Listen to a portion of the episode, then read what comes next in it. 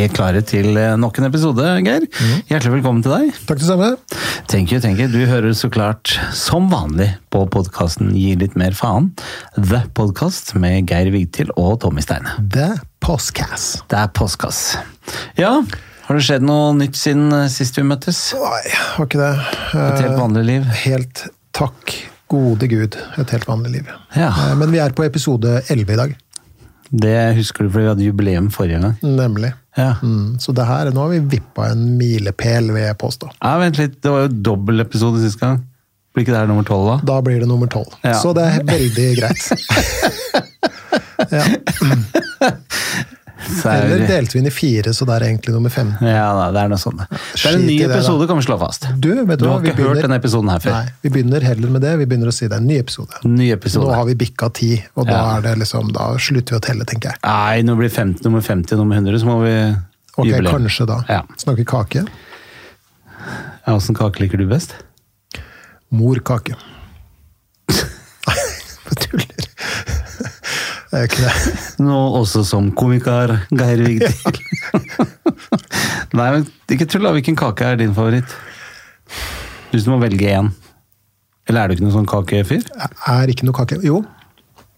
Hvis jeg måtte velge en, Mm. la oss si at jeg fylte 50 år, da, og noen skulle bakke kake til meg, Det er et hint, for det skjer i juli. Ja. ja, det er eh, skuffekake, tror jeg det heter. Skuffekaken, ja. Ja. Det er Ja, du, Det er sånn som du baker i sånn langpanne, vet du. Ja. Og gjerne med sånn kokos oppå. Ok. Ja. Sjokolade med kokos oppå? Ja, sjokoladekake. Sånn, sånn skuffekake. Du vet, sånn, der, sånn, sånn litt sånn putete sjokoladekake, og så er det et lag med glasur. Og så, så har noen mer eller mindre raust strødd kokos oppå det. Ja. Helt vanlig, sånn standard sånn derre korpskake, ikke Ja, sant? ja. Sjokoladekake med kokosstrøssel. Ja, ja. så jeg er medlem av, av Nå skal du få høre en historie om sjokoladekaker. Ja, nå er jeg kjempespent. Jeg er um, med i en uh, pistolklubb. Så jeg skyter Ja. med pistol. Ja. Så vi snakka om stress forrige gang. Ja. Stressreduksjon for meg. Er Skyte er stressreduserende for deg. deilig. Veldig deilig. Da tenker du kun på det og, og sånn. Der er det en dame som, um, som jobber, og som er veldig god på å lage um, sjokoladekake. Hun lager ofte det til disse gubbene som sitter der. Uh, og um, jeg fikk den oppskriften hennes. Det er verdens aller, aller beste sånn skuffekake, sjokoladekake. Den kaller vi hjemme for pistolkake. Den er helt fantastisk. Du skal få smake den en gang. Ja, det høres veldig spennende ut. Min eh, vakre datter Hedda lager en eh, slags sjokoladekake, og hun bruker mye kefir og sånn. Og den er, blir bare ferskere og ferskere jo flere dager som går. Den er helt syk. Jeg tror den er min kake nummer én. Eller jeg har delt førsteplass mellom tre kaker. Ok, ja. ja.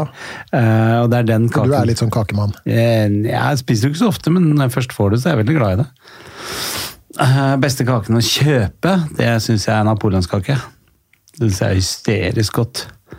Eh, og eh, så er det Hedda sin sjokoladekake, og så ja, Det er ikke kake, da, men bakst. Jeg er, jeg er nok mer på gjærbakst enn på selve kaker. Og Linda, min kjære, lager verdens beste skoleboller. Sånn som jeg nystekte, svære, varme skoleboller med masse deilig eggkrem eller vaniljekrem eller hva det er for noe midt i. Med masse glasur og kokos på. Nå blei du veldig engasjert, Ja, her, Steinar. Er vi inne på temaet tema som du brenner for, skjønner jeg? Det her er, det er psykisk helse for meg, faktisk. Ja, det å spise gjærbakst. eller Hedda sin sjokoladekake. Så bra. Mm. Hverdagshelse der, altså. Det er, eh, du vet, det er jo noe som heter eh, fysisk helse, og så er det noe som heter psykisk helse. Å ja, det skillet der, ja. Ja, jeg skiller litt mellom det, fordi um, man, skal ikke, man skal ikke la være å spise alt som er digg og farlig hele tiden, fordi det er noe psykisk helse i det også. Tynn blir man i grava, som de sier. Det gjør man. Ja. Det er oppskrytt. ja Se, Linda er tynn, hun fryser alltid. Hun gjør det, ja. Jeg fryser aldri. Nei. Jeg kan sitte i le av min egen. Jeg kan sitte i le av meg sjøl. Ja, deilig. Mens eh, hun, og du også, fryser veldig lett. Fryser veldig. Går rundt med raggsokker her i dette varme studio. Mens jeg sitter i bikini. Ja, og, og kler det. Og kler det, ikke minst. Etter din sleivkommentar om bryster fra i forrige episode. Så, så Det, det var ikke meninga. Jeg mente Nei, bryst. Brystkasse, tenkte jeg. Du, du bestemte jo forrige gang at uh, i dag er Eller den gang, altså forrige episode var siste gang vi sa hva neste episode skal handle om. Mm. Uh, for vi ønsker oss å bli litt mer free of boundaries, er det det det Mm, Ja, ja, det kan man Det si. er veldig bra. Ja, det er det. Uh, Og du sa at i dag så skulle vi snakke om eh, menn og psykisk helse. Mm. Hvorfor vil du det? Nei, det er jo et, eh, det et lite sånn eh, spesialtema. -hmm. Og det er et tema som eh, opptar meg av flere grunner. Jeg har mista gode venner i, i, til psykisk uhelse, f.eks. eksempel gjennom jeg selvmord. Mm. Og det er ikke noe ålreit. Eh, av og til så kan det også være lett å tenke at eh, helsedomene er et litt sånn kvinnedomene, kanskje. Eh, eh, det er også mange som sier at vi menn kanskje ikke er så superflinke til å, å snakke om, om psykisk helse. Mm. og noe av det skal vi filosofere litt rundt i dag. Det er ikke noen sånn klare svar på ting. Og så tenker jeg også at det er forskjell på Det er litt sånn som du sa nå med tanke på kaker og sånt nå. eh, At det er forskjell på psykisk helse og psykisk uhelse. Og, og vi skal nok snakke om begge deler.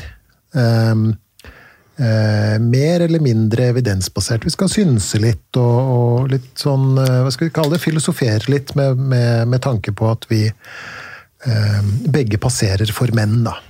Hva er evidensbasert?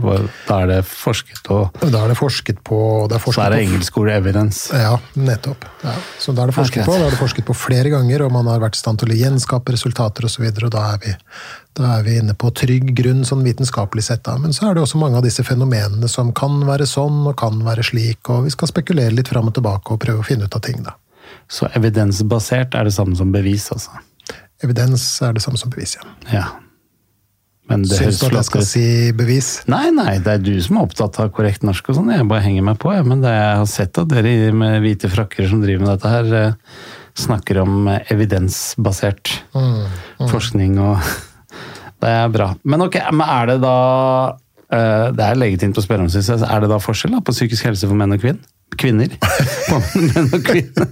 Menn og kvinn. Menn, og kvinn? Ja. Mm, ja, er det forskjell på det?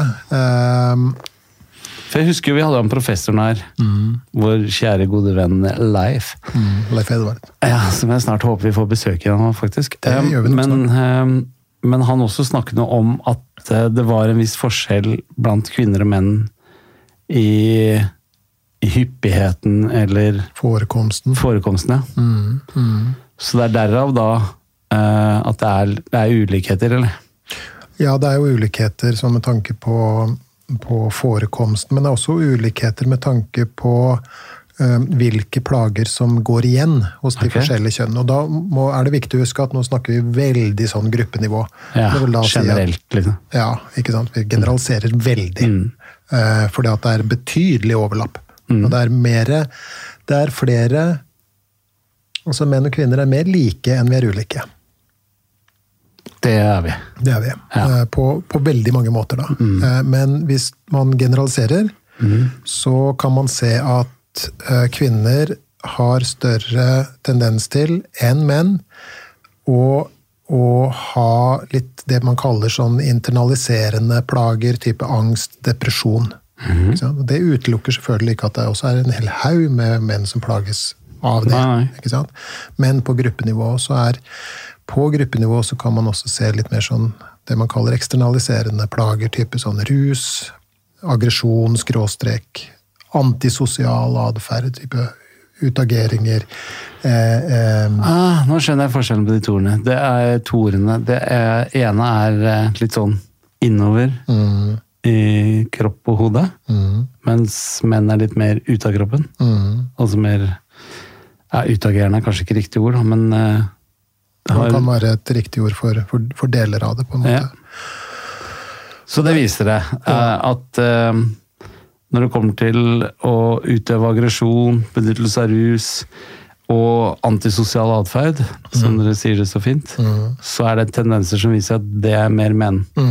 Mens Men det er jo ofte menn som, som, eh, som si, sitter i fengsel Ja. sant? for type voldsforbrytelser og sånn. Mm. ikke sant? Og hvis man ser på for, altså hvorfor det er sånn, og det er nå vi begynner å spekulere litt, da.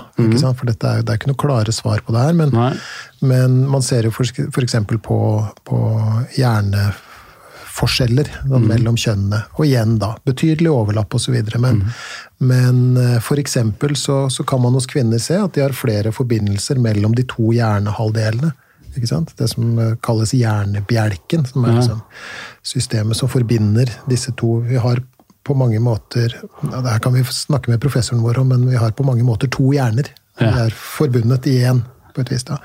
Og, og, og kvinner har langt flere forbindelser mellom de to enn det menn har, og det tenk, tenker man er um, er det fakta? ja. Har de det? Ja, de har det, altså. De har det. Mens vi har større hjerner med flere forbindelser sånn generelt sett. Og så ser det ut til, og igjen på gruppenivå, at det gir forskjellige utslag. Da. Og at kvinner er mer det man kaller empatiserende, altså det større evne til å sette seg inn i hva andre føler og, og, og sånt noe. Og veldig, veldig generalisert. Og veldig generalisert når det gjelder menn, så har vi eh, større evne til, til eh, eh, romtenking, f.eks. Ja. Altså det å se for seg et objekt inni hodet, ikke sant? Og, og, og, og snu det objektet liksom, i tankene, eller det å se for seg et kart. Det å stå i en fremmed by og tenke hm, hvilken retning skal jeg, og sånt noe. ikke sant? Altså det man kaller sånn spatiale evner. Det har menn på gruppenivå større eh, evner for enn kvinner på gruppenivå. Det er jo rart, for den myten skal ha til at vi menn aldri spør etter veien. Ja, det er en grunn til det. Ja. det skal Ja, ok. Men det- du sa at menn rent fysisk har større hjerner enn kvinner? Mm, vektmessig og, og, og også sånn forbindelser i visse av- Utrolig avsnitt. deilig å vite. Så vi har altså rein vektmessig større hjerne enn kvinner. Ja, det har vi. Men så er vi vektmessig større Ja, ja. enn Men kvinner altså, også. Så, men det legg alle sånne ting som ikke har noe å si til side. Ja, ja, ja. La oss, la oss eh, plukke våre fakta. Så vi kan slå fast at vi menn har større hjerne, men er ikke så flinke til å bruke den som kvinner. Vi kan si det. Ja. Jeg tror ikke vi har noe belegg for å si det, men eh, så, så det er ikke noe sånn at vi er noe Nei, det er ikke evidensbasert, det. Nei, det, Nei, er det ikke. kan man si. Nei. Ja. Og så er det vanskelig å vite, da. ikke sant? Hva er, hva er forskjeller i både altså hjernefunksjon eh, eh, Hormonene påvirker jo hjernen, ikke sant? Mm. Og hva, hva, hva er Hva er eh, Hva skal vi kalle det? Hva er det som har med hjerne å gjøre? Hva er det som har med oppdragelse å gjøre, miljø å gjøre osv.? Og, og det her er komplisert samspill. Og det er derfor det er vanskelig også å være presis når man snakker om disse tingene. Men, men ok. Um, er- hvis vi, det er liksom det grunnleggende. Hvis man legger liksom psykisk helse til grunn, så har det jo Det har i hvert fall vært sånn før, oppfatter jeg det.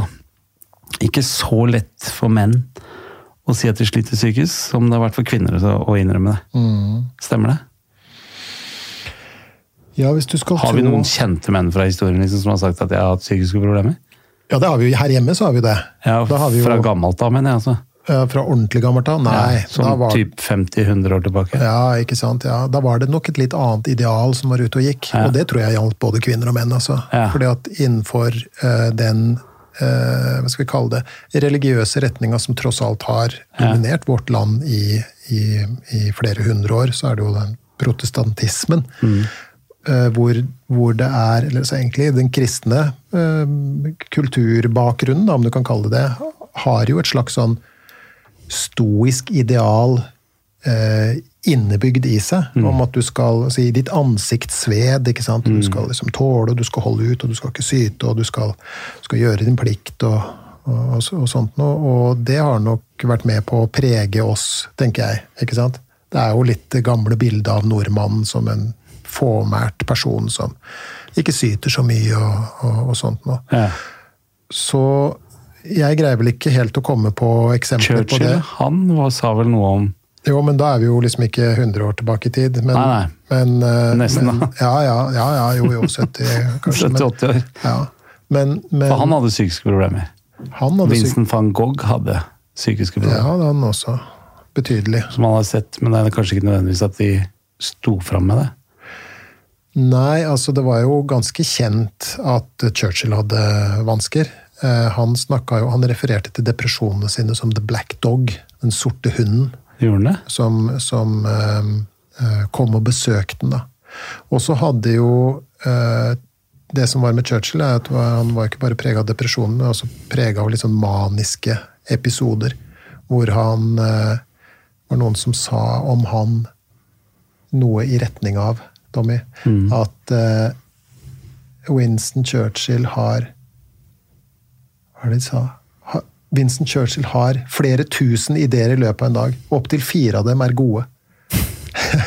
ikke sant? Så, så, så i perioder så, så var han veldig ikke sant? Altså, superkreativ og superenergisk. og sånt. Og så kom var han bipolar, da?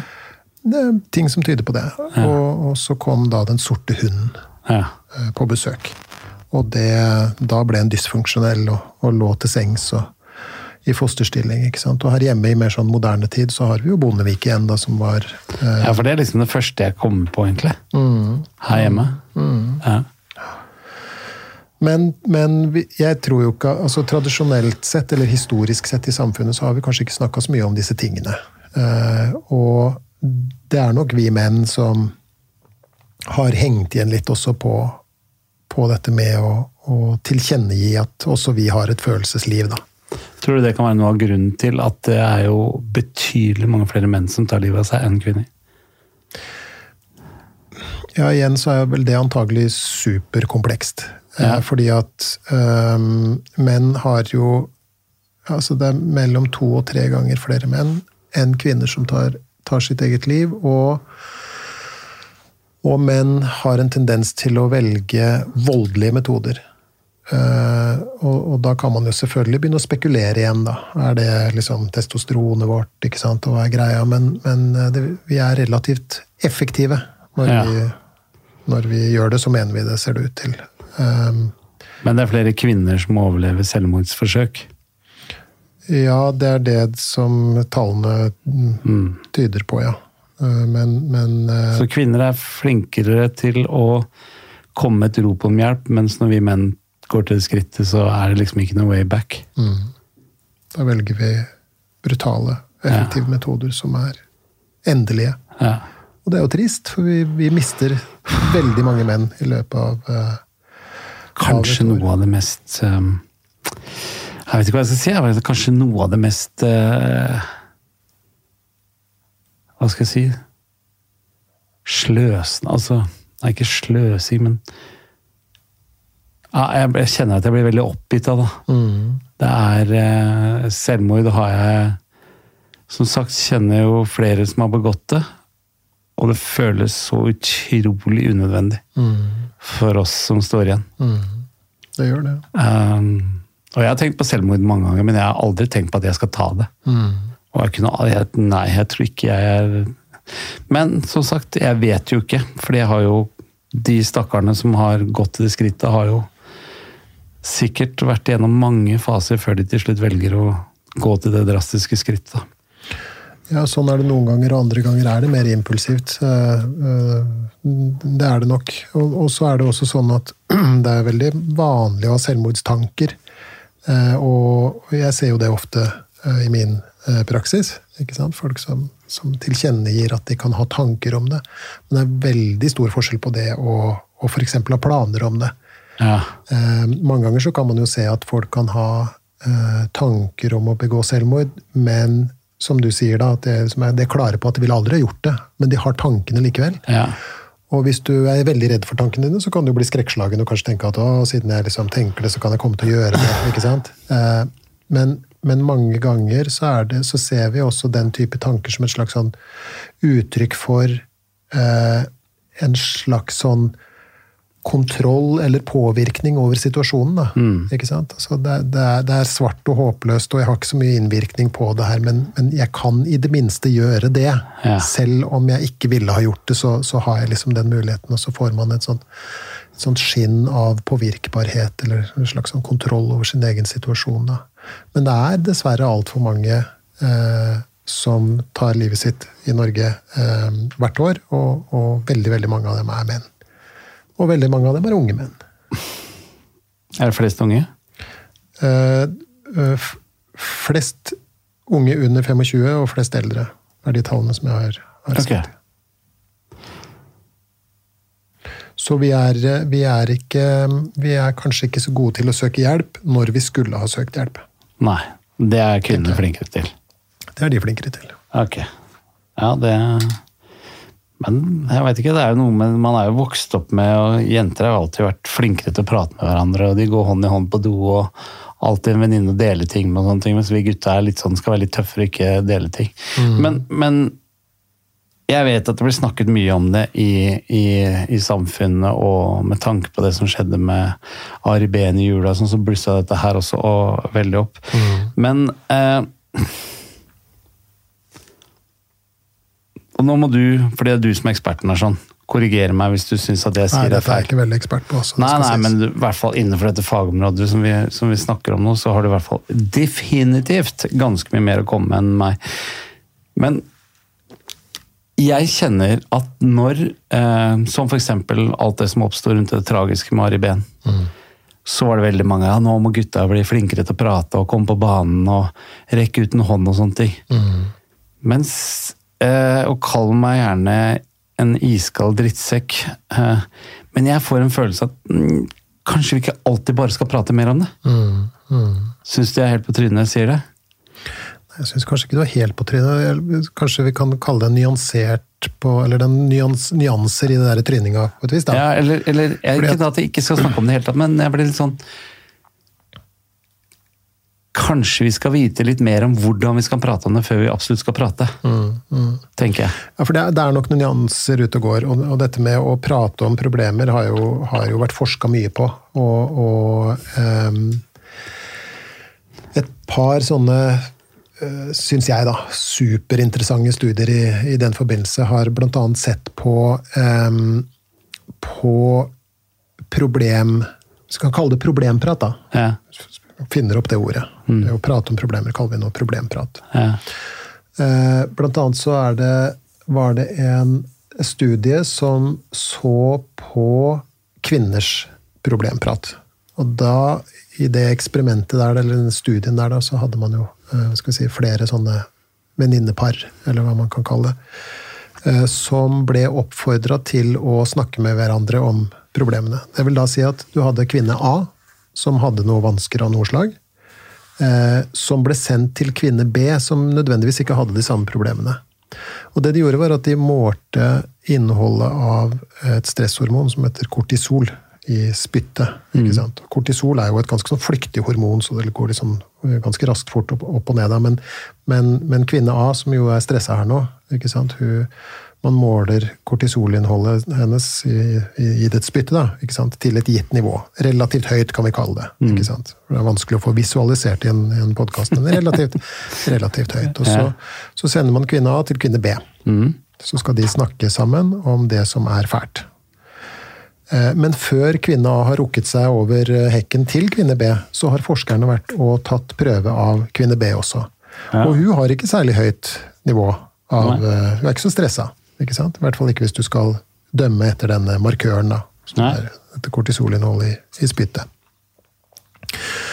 Så har de en sånn uh, venninnekveld, og så kommer kvinne A tilbake til uh, forskerne. Nå har hun da fått snakka med venninna si om problemene. Og så er spørsmålet har kortisolinnholdet i spyttet til kvinne A økt eller sunket. Det har økt. Har det økt? Det har økt. Og så måler man jo kvinne B etterpå også, etter at eh, praten er ferdig. Og så finner man at hos hun har det også økt betydelig. Sånn at det er nesten er på nivået hos, hos kvinne eh, A. Så begge damene så ut til, hvis du skal følge denne markøren, til å bli mer stressa av å snakke om det som er problematisk. Er det målt det samme med menn? Mm, Jeg kjenner ikke til den type studier på, på menn. Det finnes sikkert. Men, men, men jeg har ikke vært borti det. Men her er sånn plot twist. da. Og det er det at hvis du utfører dette eksperimentet, dette med målinger av kortisol i og sånn, og du sier 'gå til din venninne og snakke om det som er vanskelig', men du gir en tilleggsbeskjed, og, og den tilleggsbeskjeden er at skal, du skal få lov til å snakke om det som er vanskelig, men du skal være løsningsfokusert. Mm. Så du skal finne en løsning på det. Du skal ikke bare snakke om vanskelige ting bare for å snakke om vanskelige ting. Du skal være løsningsfokusert. Da eh, fikk du ikke den økninga i, i stressnivå. Og det er jo ganske interessant. Ja. Og det setter jo også en del sånn snakkekurer innenfor psykologien for eksempel, i et visst perspektiv. da. Men jeg syns å lese også en Hvor var det jeg leste den, da? Jeg leste også nå at i flere og flere steder så kutter de ut den derre debrifingen som før var sterkt anbefalt Mm, det er riktig. overfor eh, helse- og akuttpersonell. Mm, Brannmenn Jeg mener det her var forskere på, på brannmenn. mhm, Hvor de hadde kutta ut å ha den debrifen etterpå. mm, -hmm. Stemmer det? Ja, det stemmer det. Ja. Eh, Før så var jo debrifing veldig sånn i, i vinden. Mm. Og det var vel basert på tanken om at du, du, du snakka det ut av systemet, eller noe sånt. Og så viste jo forskninga, og hvis ikke jeg husker feil, eh, så er det også norsk forskning på det feltet her. Eh, vi har jo vi har, Jeg tror det var norsk det jeg leste om. ja, Kan ha vært Atle Dyregrov og den Det som jobber med sånn, sånne ting. Og, og det kan vi finne ut av. Mm. Men etter det jeg husker, da, Mm. så, så var det noe i retning av at eh, det viste seg at de som etter dramatiske hendelser hadde fått debrifing, hvor du blir oppfordra til å snakke om det som har skjedd, eh, hva du tenkte, hva du følte, hva du lukta, hva du så, hva du Ikke sant? De hadde det eh, på gruppenivå verre på lang sikt enn de som ikke hadde fått debrifing i det Ja, hele tatt. Så, så der har du også noe, noe, noe greier. Men når det gjelder gutter, da, så, så, så eh, er det en dame som heter Amanda Rose ved, ved Universitetet i Missouri, som for en tid tilbake ehm, kom en, en Det var en ganske sånn stor studie, hvor hun hadde undersøkt eh, gutter og jenters problemprat. Mm. Fordi at det som Hvis du husker det forrige eksperimentet, da. Mm. Det damene rapporterte, var at selv om de var mer stressa, altså påvisbart mer stressa, så rapporterte de subjektivt om at de følte seg nærmere knytta venninna etter å ha delt problemer. Ikke sant? Og hun, eh, Amanda Rose her, da, som, som gjorde denne store studien på, på uh, problemprat blant gutter og jenter, hun fant også det samme blant uh, jenter. Ikke sant? Og dette var, dette var uh, jenter i puberteten, typ sånn ungdommer. ikke sant? Typ sånn ungdomsskole, videregående. De, altså Jentene i din, den studien de, de rapporterte også om at de følte seg nærmere venninna. Det var nesten sånn, det var nesten sånn um, Det var nesten så de opplevde det som en slags sånn tillitserklæring. da, Å bli betrodd problemene til den andre. Det som var noe av problemet, som hun, Amanda Rose fant, var jo også at det at hvis La oss si at du og jeg er venninner, da, og du kommer til meg med dine problemer. Så blir jeg veldig eh, stolt og glad og, og rørt og, og syns at det er fint at du kommer for å snakke om disse. Men jeg føler meg også litt sånn sosialt forplikta til å spa opp litt problemer sjøl. Ja. Så, og det resulterte, altså den forskninga her resulterte i, annet i en artikkel eh, i Dagsavisen. Jeg husker ikke hvilket år det her var ute, men forskninga er fra, fra 2016. Så det må jo ha vært rundt den tida her, da. Eh, hvor, hvor, og den artikkelen het Het Hva het den, da? 'Problemprat gjør jenter syke', eller noe sånt. Ja. Og fordi at når de satt og, og Vi har jo snakka om grubling. ikke sant? Rumination. På, på, på engelsk så er det jo noe som heter co-rumination, altså samgrubling. Så det å sitte og, og, og grave seg ned sammen, det gjør at begge parter føler seg dårlig. Men forskninga, eller den artikkelen som, som hennes forskning resulterte i, da, den, den hadde jo tittelen 'Girls and Boys Problem Talk'. Så hun undersøkte jo guttene også, og der var det helt andre funn. Der var det ikke sånn? Nei, der var det ikke sånn, fordi at eh, gutta var ikke så interessert i å snakke om problemer. Nei. Og så er det jo ofte litt sånn narrativet da, om gutter og psykisk helse og sånt. Det er liksom at ja, men guttene har ikke et språk for det emosjonelle og sånn som det her. Men det viser seg, altså gutter kan fint snakke om følelser, de. Men det som var forskjellen Og igjen, dette er gruppenivå. Eh, generalisert, ikke sant. Men det som var greia, det guttene oppga som grunn til at ikke de var så glad i å snakke om problemer, var at de så ikke poenget med Nei. å snakke om problemer, med mindre det skulle føre til en handling eller en løsning eller noe sånt. ikke sant? Så de, de, de gadd rett og slett ikke å snakke om det, med mindre det var en løsning i enden, på en måte. Og da er det jo ganske lett, da, selv om det her ikke sant, er mer fasettert enn det jeg antagelig er i stand til å, å, å, å Ja, du har tatt noen forbehold nå. for. Ja, men, Ja. ikke sant? men altså, da er det jo lett å tenke at kanskje kunne eh, jenter snakka litt mindre om problemer og hatt fordel av det. Men det som er problemet også, ikke sant? Altså, Gutta greier seg fint uten problemprat og sånt noe. Men når det virkelig gjelder Selv da snakker ikke gutta sammen. Og det burde de. Ikke sant? Og da kan man jo kanskje havne i en situasjon hvor man ikke ser andre utveier enn å gjøre det slutt på det hele, f.eks. Ikke sant? Det vil da si at jeg, jeg Og dette er, dette er ikke faglig fundert i det hele tatt, men, men, men jeg kan nok tenke at at eh, altså jeg, For jeg mener ikke at vi skal presse følelsessnakk på gutta. Men vi må lære dem, eller oppfordre dem i det minste, å, å ha systemet for det. At når det liksom virkelig gjelder, liksom, da, må du, ja, da må du snakke om det. Du må fortelle om det. For det er hjelp. Du er ikke aleine. Du, du er ikke det. Du kan føle deg som det, men du er ikke aleine. Det var det første jeg følte når jeg leste boka di. Jaha. Det var eh, når du begynte å snakke om ting, så tenkte jeg herregud, det er jo mange andre enn meg som tydeligvis har hatt det på samme måte. Det, var, det hjalp så mye, det. Så det er veldig viktig. Når du begynner å ordentlig røyne på for gutta, så må du i hvert fall være flinkere til å også snakke sammen. Og du behøver ikke gå på forskning, for hvis du tenker tilbake på eh, den episoden vi hadde besøk av Anette, så snakket hun også om at noe som hun gjør i mindre grad i dag enn hun gjorde før, det var altså grave og grave og grave. Hver gang hun møtte noen, så skulle hun snakke om sine problemer, og skulle de fortelle henne om sine problemer.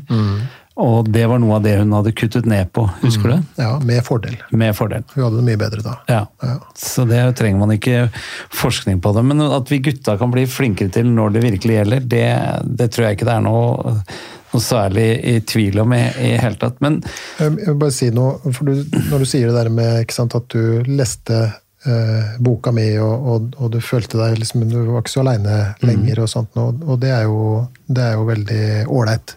Og så blir du ikke glad når du hører det? Jo, jeg blir superglad. Ja, så bra. Og, og, og, på, og jeg har jo hørt det flere ganger også. Mm. Jøss, liksom, er det, er det flere enn meg?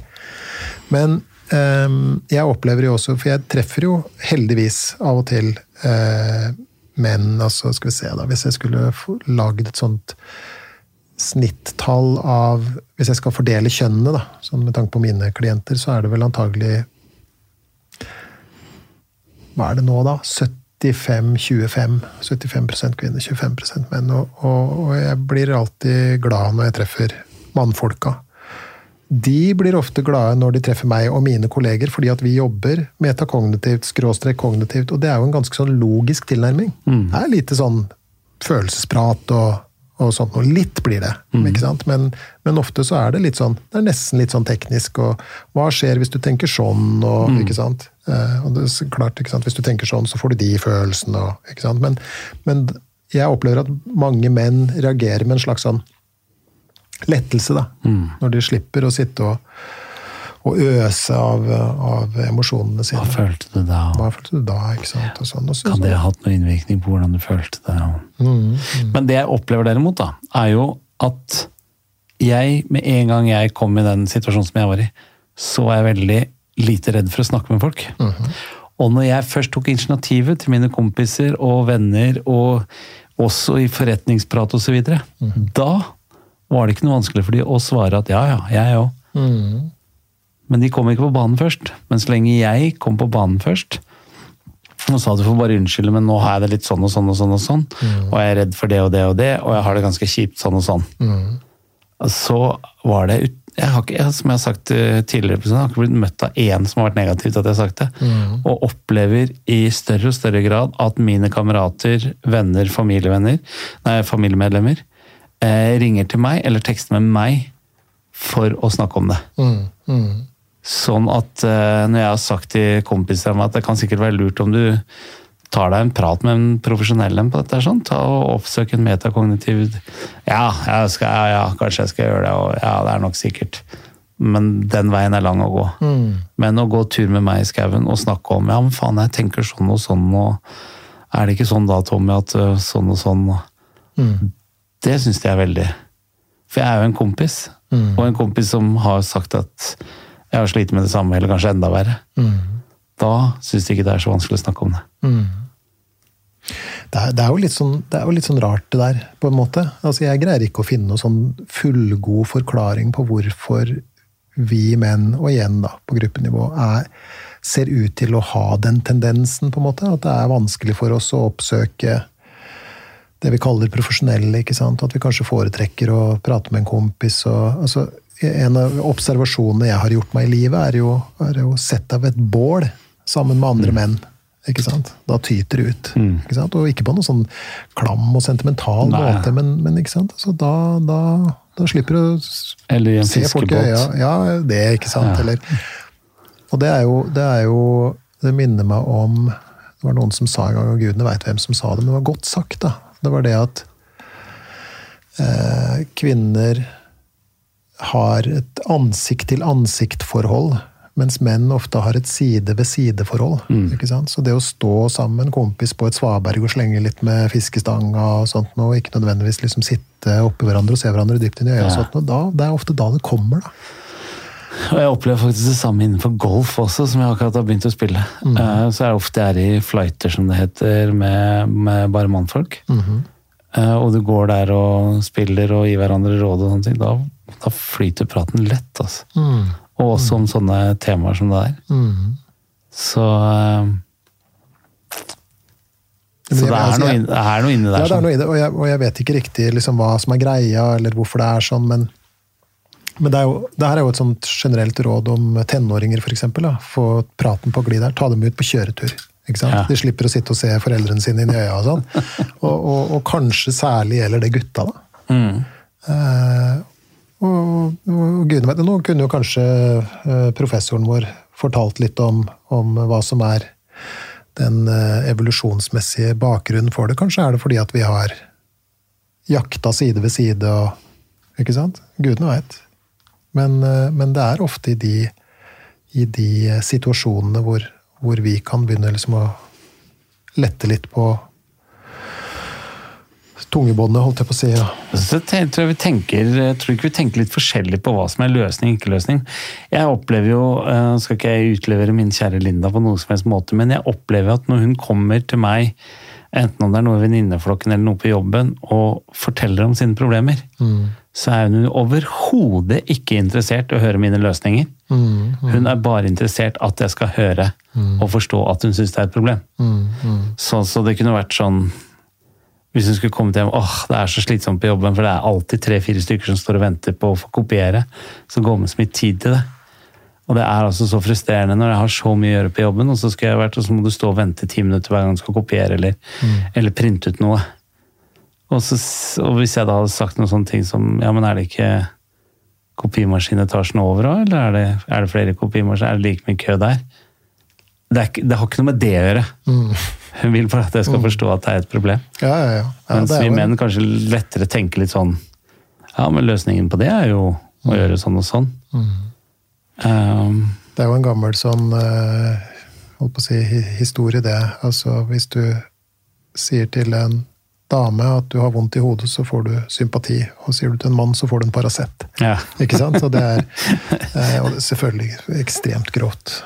Igjen veldig generalisert og veldig omflytende Ja. grenser Ja, mellom ja, men dette. Altså, men ja, ok. Men jeg husker, jeg husker um, at um, eh, vår eh, mange ganger nevnte professor Leif Edvard, han sa noe også om um, dette her med kvinneproblemer og, og mannsproblemer, og, og hvor han snakka om det seksuelle og attraktive og sånne ting. At han sa vel ikke akkurat at kvinner ikke er standarden, men at det, vi menn får ofte høre hvis dere bare blir litt mer lik sånn som vi er, så vil det gå bedre. Hvis dere blir flinkere til å snakke om følelser, hvis dere blir flinkere til å være myke og sånne ting. Eh, ergo så sa jo Var det ikke et eller annet han sa om at hvis, ble litt, nei, hvis menn ble litt mer lik kvinner, så ville vi få færre problemer?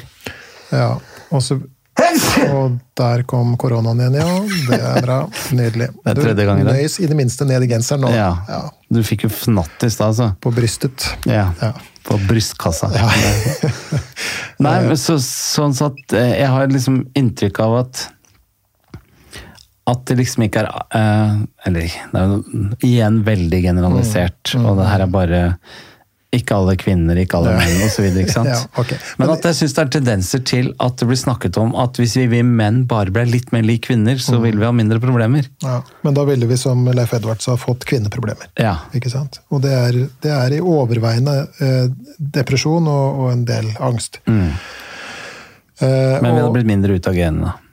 ja, kanskje eller kanskje ikke, for det er også noen andre faktorer i sving her. Ja. ikke sant? Men, eh, men det er jo en tendens til at, at eh, Jeg synes å se det, i hvert fall. Mm. At uh, menn eller gutter da, kan bli sett på som noen form for sånn dysfunksjonelle kvinner. Det er bare ikke Ja, men altså, jeg mener det helt seriøst, jeg. Ikke sant? Det er liksom litt sånn umodne kvinner som der fikk vi leserstorm på ja, eh, ja, men, ja, men, ja, men helt seriøst. Ja. Ikke sant? Altså, poenget er at kjønnene er forskjellige på gruppenivå. Og vi har våre styrker og svakheter, og, vi, og begge kjønn har sine problemer. Ikke sant? Ikke utfordringer, men problemer.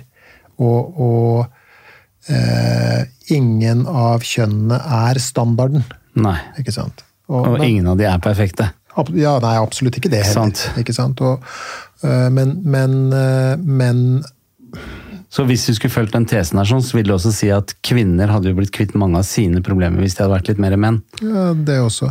Det er faktisk noe som mange av mine eh, klienter sier. Jeg hadde en sånn steam av folk som sa det samme for en tid tilbake. Eh, Så jeg er ikke det var først. nesten litt sånn merkelig. Hm? Så jeg er ikke først. Nei, altså, men, men disse damene de sa sånn ja, Så sier jeg hva, hva, hva skulle du ønske jeg kunne hjelpe deg med? Og sånn, og så sier de jeg vil gjerne bli litt mer lik mannen min. Oi. Og så er jeg sånn, ja, hva, hvordan da? jo, fordi at eh, eh, når jeg skal vi, Når vi skal sove om kvelden, så legger han huet på puta, og dink, så er han borte. Langt inn i drømmeland. Begynner å purke før han liksom har lagt huet nedpå. Og jeg ligger i mørket med Donald-øyne til klokka fire om natta. Og tenker på alt som jeg har gjort og ikke har gjort, og skal gjøre og ikke, så, ikke sant, sånn. Eh, og, og en annen ting eh, eh, mannen min gjør, er at eh, hvis jeg sier at eh, vi har et problem som vi må snakke om, så sier han ja, men det her har vi snakka om i hvert fall 30 ganger. Vi har ikke funnet en løsning. Det er ikke noe poeng å snakke mer om det.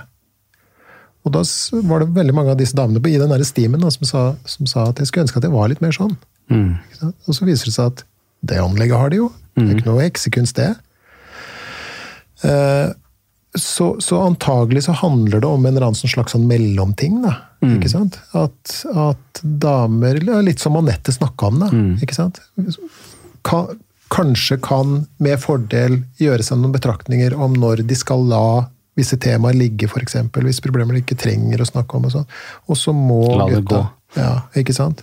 Slippe tak i den bananbiten, på en måte. Og så må vi gutta bli flinkere til å prate når det faktisk gjelder. Mm. Eh, Så, så, så det er et eller annet der. Det er viktig å presisere at det er jo eh, vi, vi, vi sitter jo her som to menn, og vi opplever at det er større fokus på at menn er dysfunksjonelle kvinner enn vice versa. Mens situasjonen for begge parter er jo at vi begge hadde vært tjent med å regulere litt begge veier. Ja, ja, ja. ja. Vi er bare folk, ikke sant? Ja. Både menn og kvinner er jo folk. Og, og, og den gylne middelvei er jo den er jo kjent og, og, og Innenfor alle- områder. Ja, ja, ikke sant? Ja, men altså, seriøst. Altså, det er ofte den gylne middelvei som er, er eh, det som fungerer eh, best, da. Men kan jeg da få lov å kaste inn en brannfakkel? Eh, og du og dine kollegaer vil sikkert ikke være så glad i meg etter dette her, men det er bare et spørsmål. Ja, ja. Sånn at, sånn at jeg har ikke noe fasit på det i hele tatt. Jeg spør bare fordi jeg lurer. Mhm. Er det greit forbehold? Ja, og hvis jeg kan ta det forbeholdet at det kan tenkes at jeg ikke har peiling på hva jeg skal svare. det er greit. Men jeg så en eh, dokumentar på Brennpunkt på NRK. Fantastisk bra dokumentar og sånne ting. Men der var det blant annet eh, tatt opp dette her at det er for få gutter på psykologistudiet. Eh, For da jeg mener, husker nå at nå på, uh, på Psykologisk fakultet i Oslo, så var det nå åtte av ti studenter var kvinner. Og hvis det er sånn at vi har at vi har veldig stort utbytte av å ta litt fra hverandre, som vi har snakket om, er det ikke da et problem at det viser seg at stadig flere og flere psykologer er Altså at det blir en overvekt av kvinnelige psykologer og psykiatere. Er vi ikke tjent med at det skulle vært ganske likt?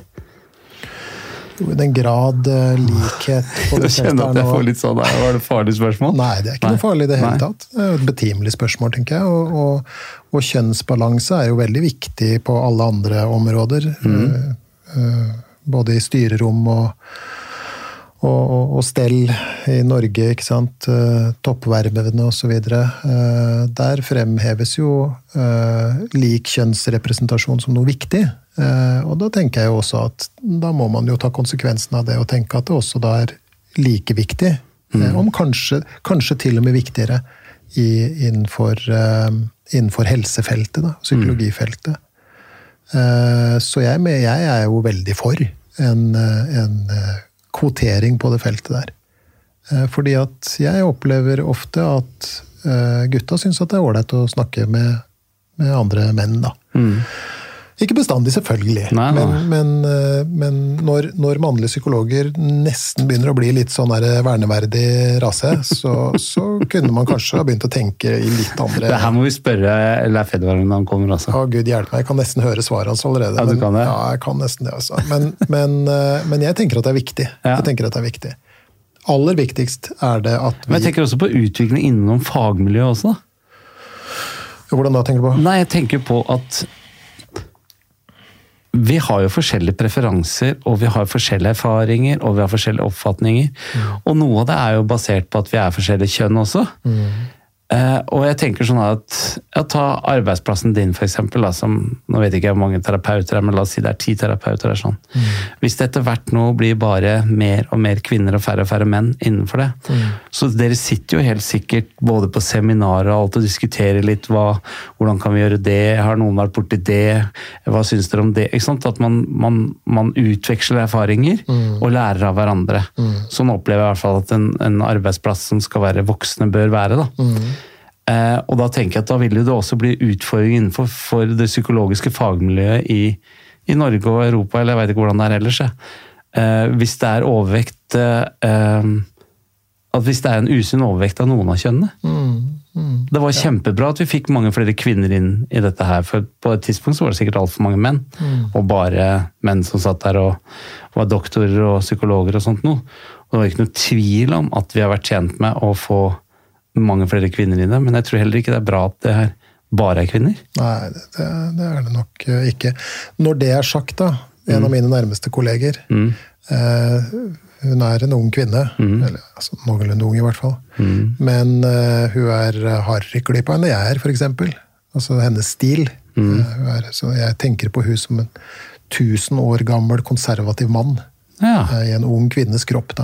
Så, så sånn sett så trenger du ikke være kjønnsavhengig, selvfølgelig. Eh, Men, men, eh, men jeg tenker jo at det er det er, det er nok greit å kunne ha begge kjønn å velge mellom. Eh, Og, og så er det også noe med prinsippet, da. Skal det være lik kjønnsrepresentasjon enkelte steder, så, så kan Så det det være også være det, og særlig når det gjelder helse. Altså.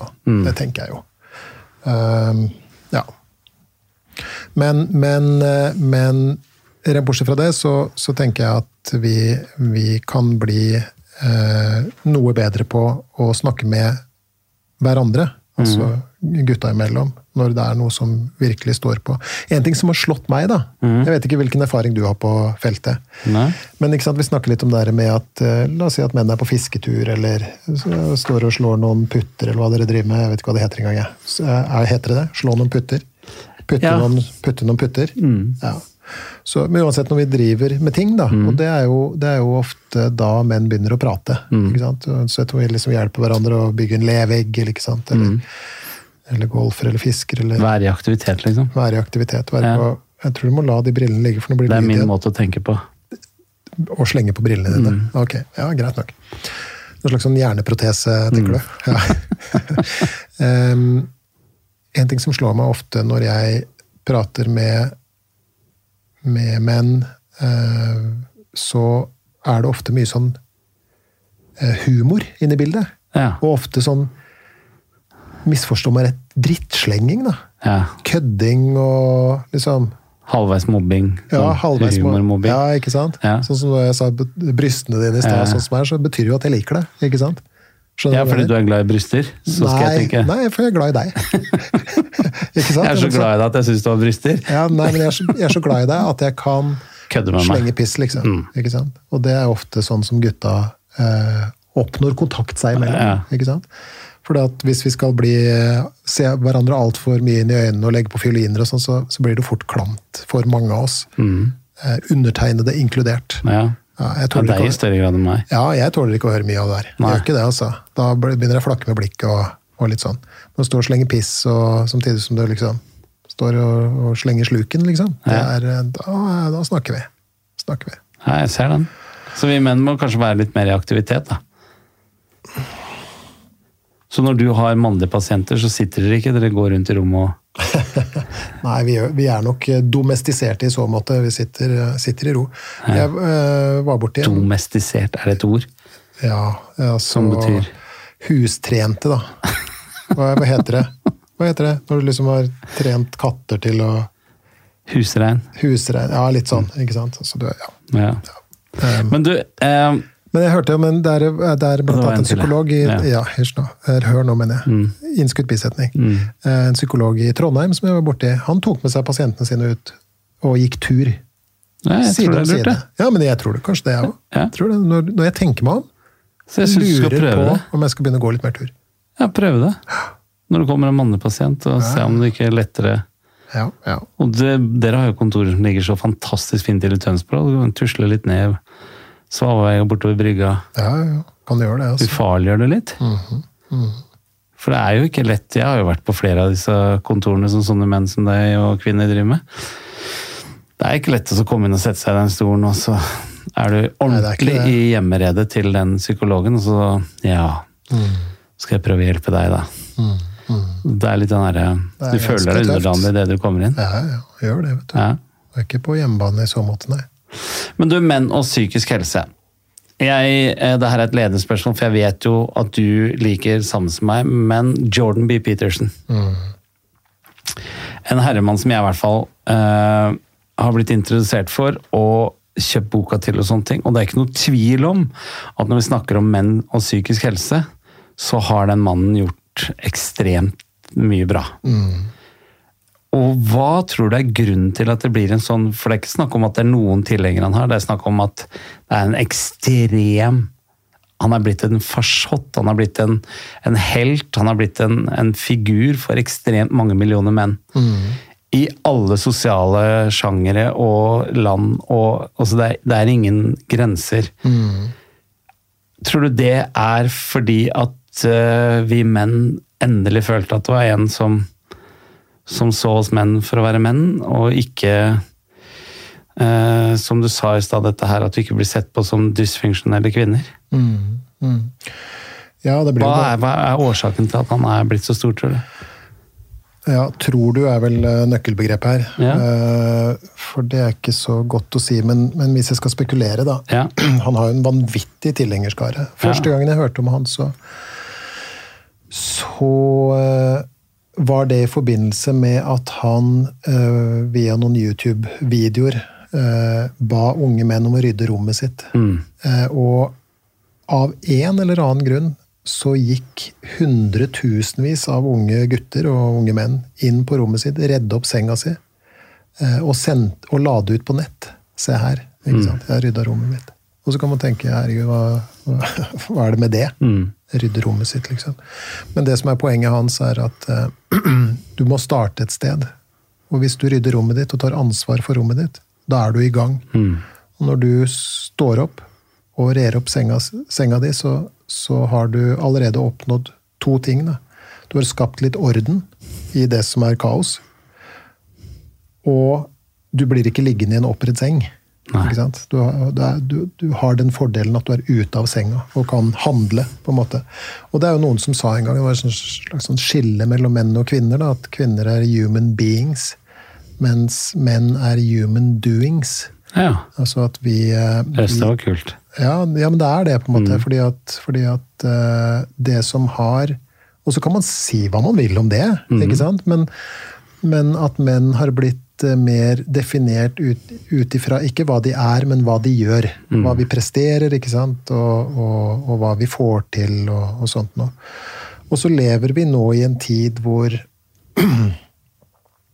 hvor misforstå meg rett, ting er ganske lettvinte. Da, ikke sant? Det, det er veldig få drager å kjempe mot, ikke sant? i både reell og overført betydning. Og, og kanskje er det noe av det problemet som og Det her blir bare spekulasjoner, Ja. ikke sant? Men, men kanskje er det noe av problemet til mange menn i våre dager. da, At liksom eventyret ikke er der. Og, og det er ikke så mye å, å gjøre som i, i doing, ikke sant? Eh, jeg, en, en av de bøkene som jeg har som har betydd aller aller mest for meg, som jeg har lest i det siste nå, er, er en bok som heter No Place of Grace, av en, en eh, amerikansk historiker som heter TJ Jackson Lears. Og, og han har skrevet om tidsperioden i USA fra 1880 til 1920. Eh, og den tidsperioden, det er eh, den andre bølgen, om man kan kalle det det, da, i den industrielle revolusjonen. Og det som da skjer, er at eh, det gjøres kjempefremskritt når det gjelder boforhold. For eksempel så får man altså Flere og flere får eh, sentralvarme, så at husene faktisk blir varme, liksom. Eh, flere og flere får innlagt vann. Ikke bare innlagt kaldt vann, men også varmt vann etter hvert. Toalett. Toaletter. Em, eh, det gjøres fremskritt innenfor medisinen, og ikke minst eh, innenfor den organiske kjemien. Da. Så du får smertestillende medikamenter som gjør at du kan trekke tenner uten smerte, bli operert uten smerte, noe som var en umulighet før. Da fikk du en grankongle å tygge på og en støyt whisky, liksom, for å ta blindtarmen. Og det var jo et mareritt. Eh, eh, du fikk eh, sentralisering. ikke sant? Altså folk flytta fra landsbygda inn til byene. De gamle yrkene begynte å forsvinne. Du fikk mer generaliserte yrker, som samlebånd eller byråkratjobber og sånt noe. Og summa summarum så fikk du en mer behagelig, eh, mindre skal vi si, mindre Kall det en slags sånn mindre målretta tilværelse. Mer smertefri tilværelse. Det mange kalte en mer sånn banal tilværelse. Da. Og det man så, var at eh, en viss type lidelser begynte å skyte i, i været. Angst, depresjon og slitenhet. Ikke sant? Så det kom en sånn trøtthet inn i livene til, eh, til eh, folk. Um, så mange mennesker, både kvinner og menn, men kanskje i særdeleshet menn, da, eh, begynte å, å, å se på tilværelsen som for vektløs. Ikke sant? Og det var i den tidsperioden der hvor kampsportforeninger, eh, helsestudioer, eh, eh, sånn mannsforeninger, type sånne ja, du vet, sånne klubber, ikke sant? Så, hva hva heter det alt det derre Frimurerlosjen? Sånne ting ble superpopulært. Da. Og også litteratur som handla om liksom de store eventyrene og det å drepe drager eller gå ut i krig og alt mulig sånt som ikke sant? blei superpopulært som en slags sånn motvekt da, til den derre mm, Kall det mening, lett eller vektløsheten, meningsløsheten, på en måte. Eh, Og det var liksom for 100, ja, la oss si 140 år siden, liksom. Og så er jo spørsmålet da har, vi det samme, har menn det samme problemet i dag? Og er det det um, han uh, Jordan B. Peterson tilbyr, på en måte? Mm. Fordi at det han snakker om, er at som et slags sånn ideal for deg selv, da, så skal du påta deg det største ansvaret du er i stand til å påta deg. Mm. Altså, det vil si, du skal Han sier 'pick up a load and carry it'. Ikke sant? Og det appellerer til ekstremt mange menn. Mm. Om det så da er bare det å begynne å rydde rommet sitt. Og, og, og det, greia med det er jo at du skal starte på mikronivå. Så når du har tatt ansvar for rommet ditt, så kan du ta ansvar for familien din og forsøke å rydde opp i det så godt du kan. Mm. Relasjoner osv. Når du har gjort det, så kan du prøve å være til nytte i lokalsamfunnet ditt. Og når du har fått det på stell, hvis du i det hele tatt er i stand til det For bare det å rydde rommet sitt er jo helt umulig for de fleste. ikke sant? Ja, er også seriøst. Ja, ja, ja, og han sier jo disse ungdommene som står og, og demonstrerer mot, uh, mot uh, patriarkatet og kapitalismen osv., så, videre, så sier han hva vet dere om det? Mm. Dere klarer jo ikke å re opp senga deres engang. Ikke sant? Men men, men, han oppfordrer til å ta ansvar, da. Mm. Og, og, det er kanskje Jeg vet ikke. Kanskje er det også noe av det vi kan mangle litt, hvis du skjønner hva jeg mener. Fordi at vi har jo alltid vært Det er færre arenaer å være menn på, liksom. Ja, på en måte, da. ikke sant? Altså, men man støter jo på problemer også, fordi jeg begynte jo å re opp senga mi. Mm. Uh, og det var faktisk ikke Jordan Peterson, det var faktisk en annen sånn amerikansk oberst eller noe sånt. Noe som skulle komme med tips til uh, hvordan mm. få bedre opp i huet eller et eller annet sånt. Mm. Jeg har jo sett x antall tusen videoer. Mm. Men jeg begynte med det. Jeg syntes det var en fin greie å stå opp og re opp. og sånn mm. Men da fikk jeg beskjed hun jeg bor sammen med, at nei, det var ikke så lurt. Mm. For det var flere sengemidd som overlever i en oppredd seng enn hvis du ikke rer opp. Ja. Så da var plutselig ikke det populært heller. Nei, nei. nei, nei da så. så hjemme hos oss er det faktisk sånn at hvis du ser på, for vi har jo dobbeltseng, jeg er faktisk, faktisk såpass forelska ennå. Mm. Så vi ligger i dobbeltseng. Mm. Så er det oppredd på den ene sida, og ikke på hennes. Så, og jeg har ikke merka noe tydelig økning i plaging av sengemidden heller.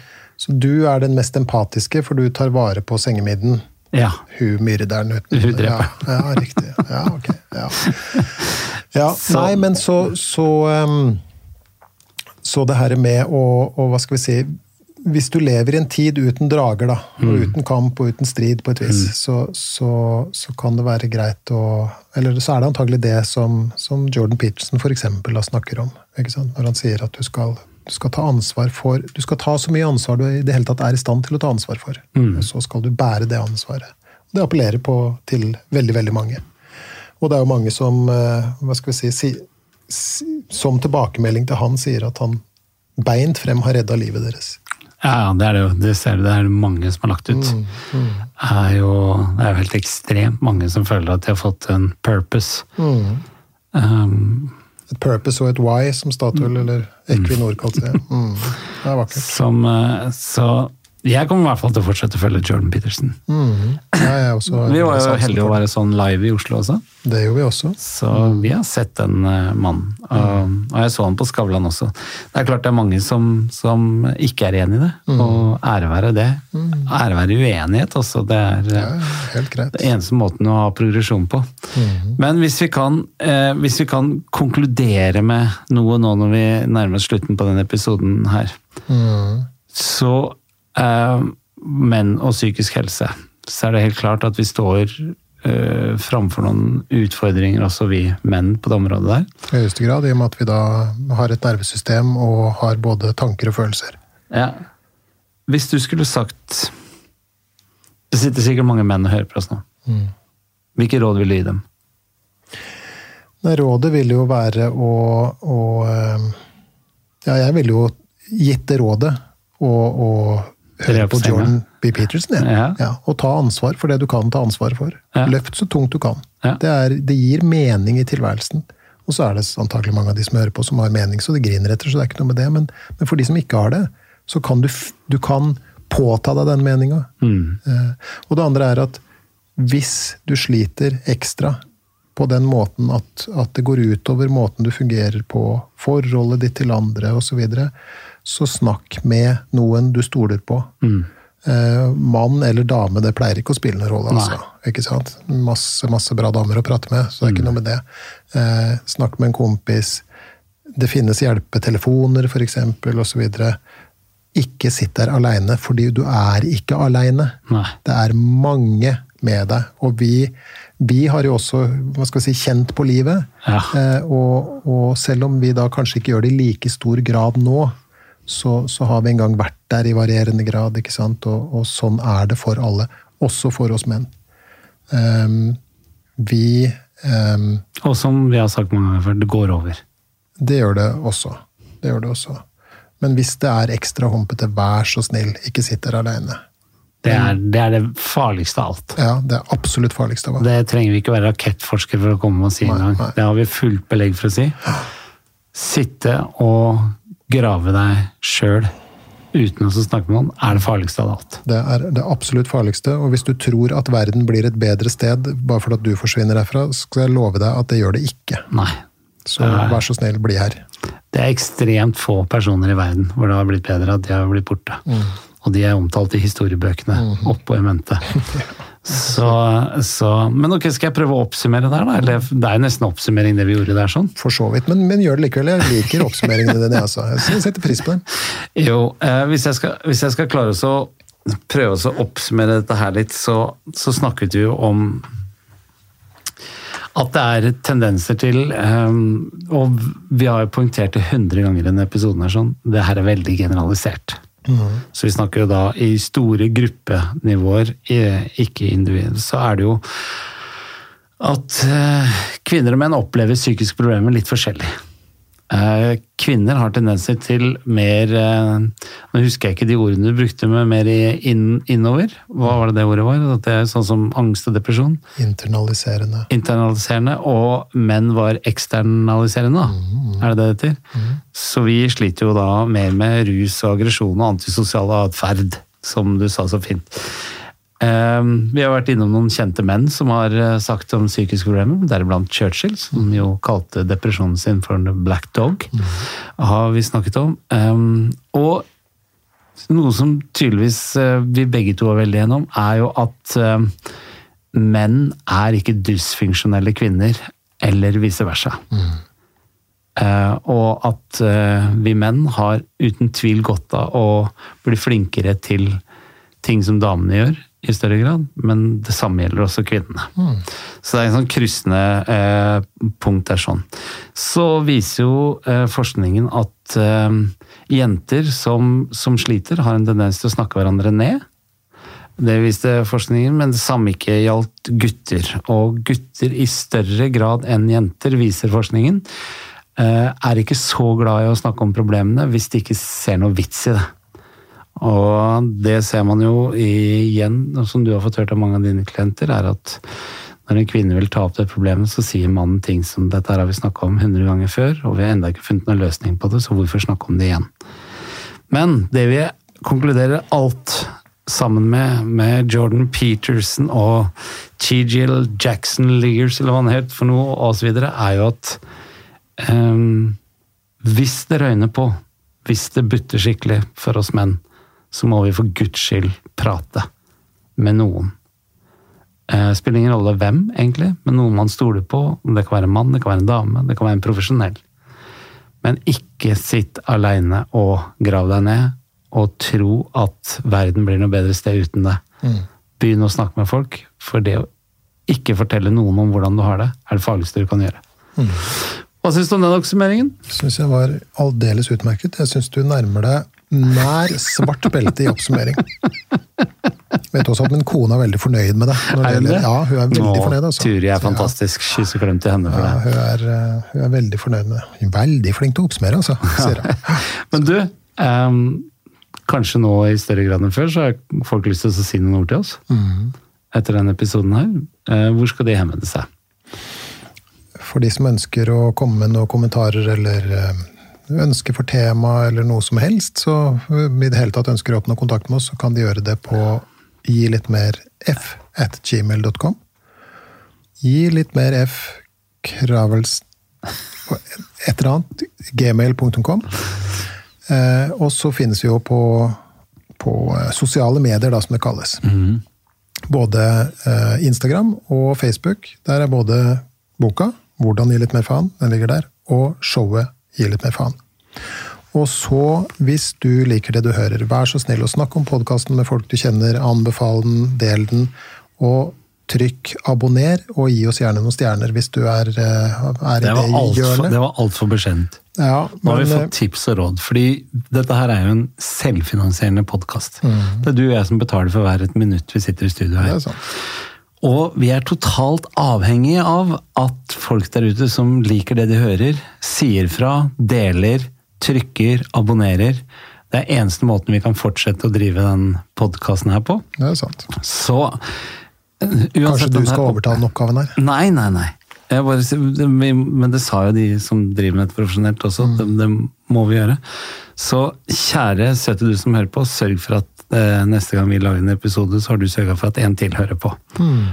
Og gi beskjed om det i de forskjellige stedene man kan trykke og like og stjerne og Mm. We need it. We need it. Det gjør vi altså. Og så skal vi gjøre noe vi aldri har gjort før. Tenkte jeg vi skal avslutte med. Vi skal ikke fortelle hva neste episode skal handle om. Nei, det skal ikke. Det får komme som en bombe. Men at det blir eh, for, At det forhåpentligvis blir interessant, det, det, det tror jeg altså. Kanskje en gjest, hvem vet? Kanskje en gjest. vet aldri. Og hvem blir det, liksom? Ja, jeg vet ikke. Nei, det kan være hvem som helst. Ja. Takk for i dag, da. Takk for i dag. Hils Heimat til flokken. Takk det samme.